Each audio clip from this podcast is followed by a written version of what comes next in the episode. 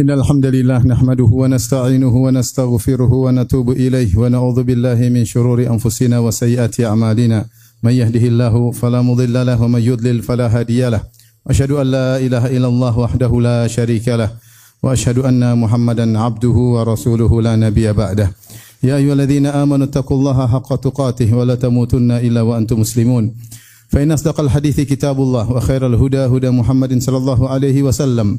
وشر الأمور محدثاتها وكل محدثة بدعة وكل بدعة ضلالة وكل ضلالة في النار معاشر المسلمين أوصيكم ونفسي بتقوى الله فقد فاز المتقون Al-Imam Al-Bukhari dan Imam Muslim meriwayatkan dalam sahih mereka dari Abu Hurairah radhiyallahu taala anhu bahwasanya Nabi sallallahu alaihi wasallam bersabda, "Ma min mauludin illa yuladu 'alal fitrah fa abawahu yuhawidanihi aw yunassiranihi aw yumajjisanihi." Kama tuntijul bahimatu bahimatan jam'a hal tuhisuna fiha min jada'a hatta takuna antum taj'adu tajda'unaha. Nabi wasallam bersabda, tidaklah seorang dilahirkan kecuali di atas fitrah, yaitu di atas Islam, di atas potensi untuk melakukan kebaikan, potensi untuk bertauhid, menjauh dari kesyirikan, menjauh dari keburukan. Setiap orang yang lahir ada dipasang bahasa kita file oleh Allah dalam hatinya untuk berpotensi bertauhid dan benci dengan kesyirikan dan berpotensi untuk melakukan kebaikan dan jauh dari keburukan. Akan tapi kata Nabi. Namun kedua orang tuanya lah yang menjadikan dia menjadi Yahudi, berubah dari fitrahnya menjadi Yahudi. Au yunassiranihi atau kedua orang tuanya lah yang menjadikan dia menjadi Nasrani. Au yumajisanihi atau kedua orang tuanya yang menjadikannya Majusi. Kemudian Nabi SAW memberikan perumpamaan. Kata Nabi SAW, Kama tuntijul bahimatu bahimatan jam'a. Sebagaimana jika ada seekor hewan ternak, apakah onta ataukah kambing ataukah sapi, ketika melahirkan anak, anaknya sempurna ya. Bahimatan jam'a, sempurna tidak ada yang hidungnya terpotong, tidak ada yang uh, telinganya dipotong atau tidak ada yang kakinya terpotong, semuanya dalam kondisi sempurna. Hal tuhisuna fiha min jada'a, apa kalian mendapati bahwasanya hewan tersebut ada kekurangan hatta antum takunu tajda'unaha sampai kalianlah yang nanti memotong hidungnya atau memotong telinganya atau memotong bagian tubuhnya. Ini adalah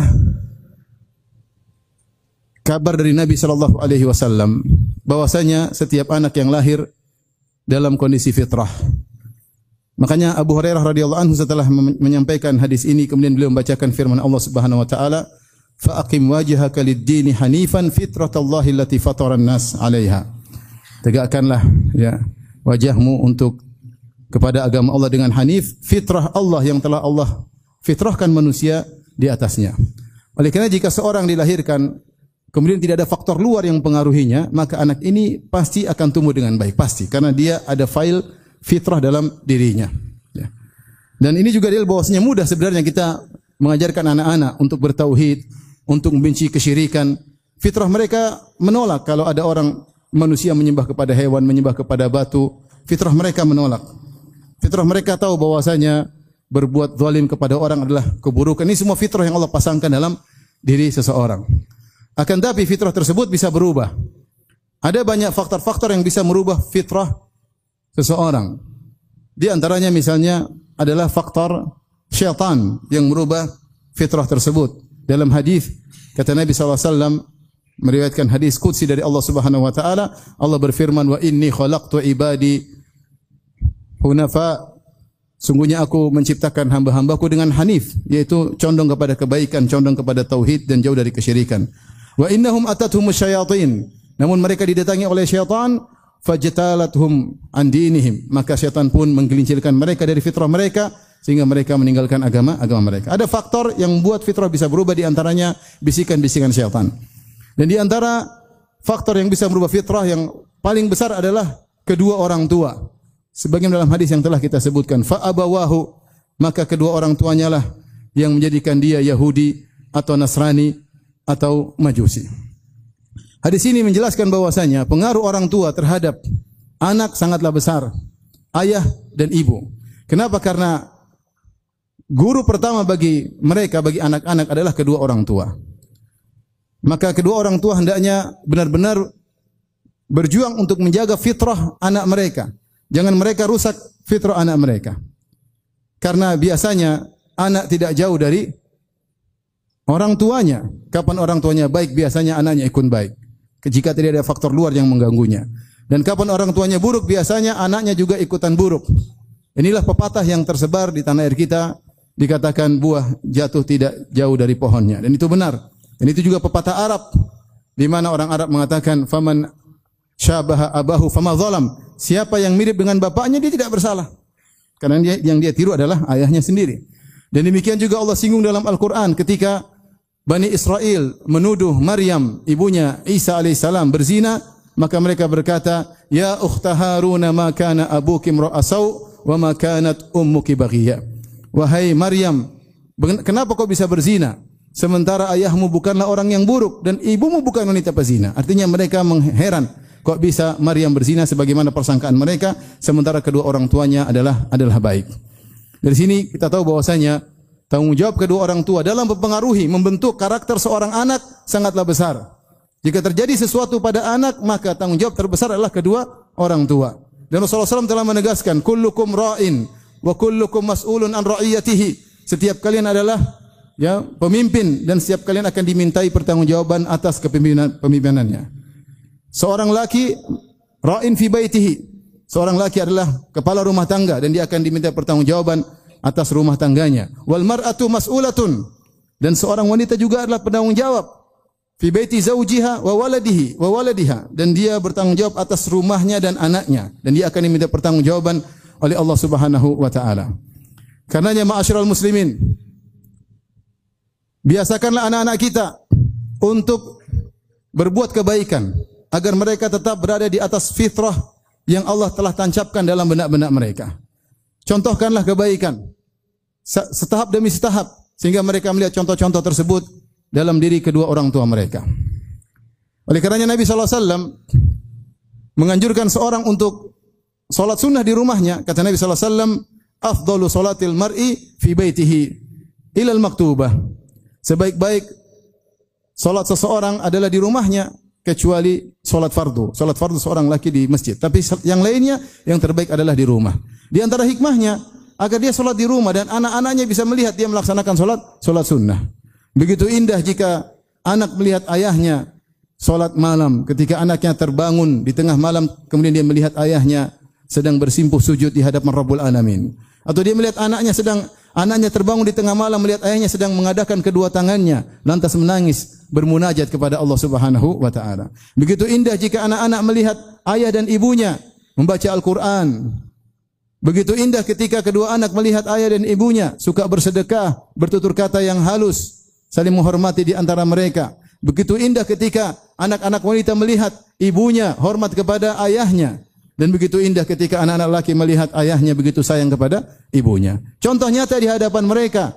Dan kemudian mereka akan tumbuh dalam contoh yang indah tersebut. Namun hati-hati jika sebaliknya ternyata kedua orang tua yang merubah fitrah anak-anak dengan mengajarkan hal-hal yang buruk. Betapa sedih jika kemudian seorang anak melihat kedua orang tuanya melanggar syariat Allah Subhanahu wa taala. Dia melihat kedua orang tuanya sibuk menonton film-film yang tidak benar, film Korea kah, film India kah, film yang tidak benar. Dia lihat kedua orang tuanya sibuk nonton film-film tersebut. Atau melihat orang ayahnya sedang nonton hal-hal yang diharamkan oleh Allah Subhanahu wa taala sehingga dia mengambil pelajaran dari ayahnya sendiri.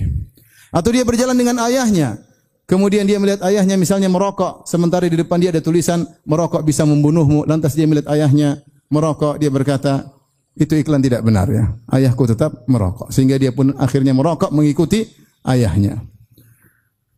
Sungguh menyedihkan jika seorang anak, seorang anak kemudian melihat ayahnya berdusta. Ketika ditanya sesuatu ayahnya maka ayahnya menjawab dengan kedustaan. Mungkin dusta itu sepele, tapi bisa jadi dusta tersebut merupakan batu pertama bagi sang anak untuk menjadi pendusta besar di kemudian hari. Dan di antara perkara yang menakjubkan, saya pernah menghadapi permasalahan ketika ada seorang wanita yang dia ternyata garang terhadap suaminya, bahkan dia sering memegang kerah baju suaminya. Ketika ditelusuri ternyata dia dulu sering melihat ibunya sendiri memegang kerah ayahnya. Sehingga jadilah anak-anak dirubah fitrahnya oleh kedua orang tua mereka dan jadilah anak-anaknya kemudian melakukan dosa-dosa jariah yang akan terus mengalir kepada kedua orang tuanya. Wal billah. Aqulu qali hadza astaghfirullah li wa lakum wa lisal muslimin kulli dhanbin wa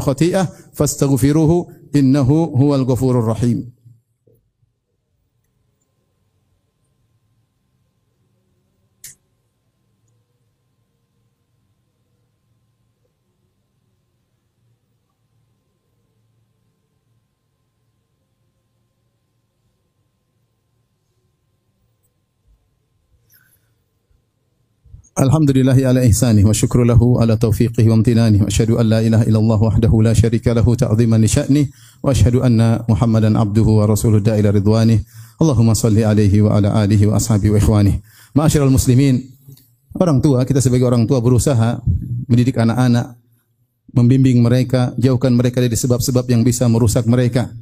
Jangan bermudah-mudah menyenangkan mereka sehingga menjurumuskan mereka pada perkara-perkara yang bisa merusak fitrah mereka. Jika ada seorang anak misalnya harus belajar di luar negeri, di negeri kafir dan itu ilmu tersebut memang harus dipelajari, maka bekali dengan agama yang benar dan selalu mutabaah mengikuti, mengontrol. Jangan dibiarkan begitu saja ya. Ya.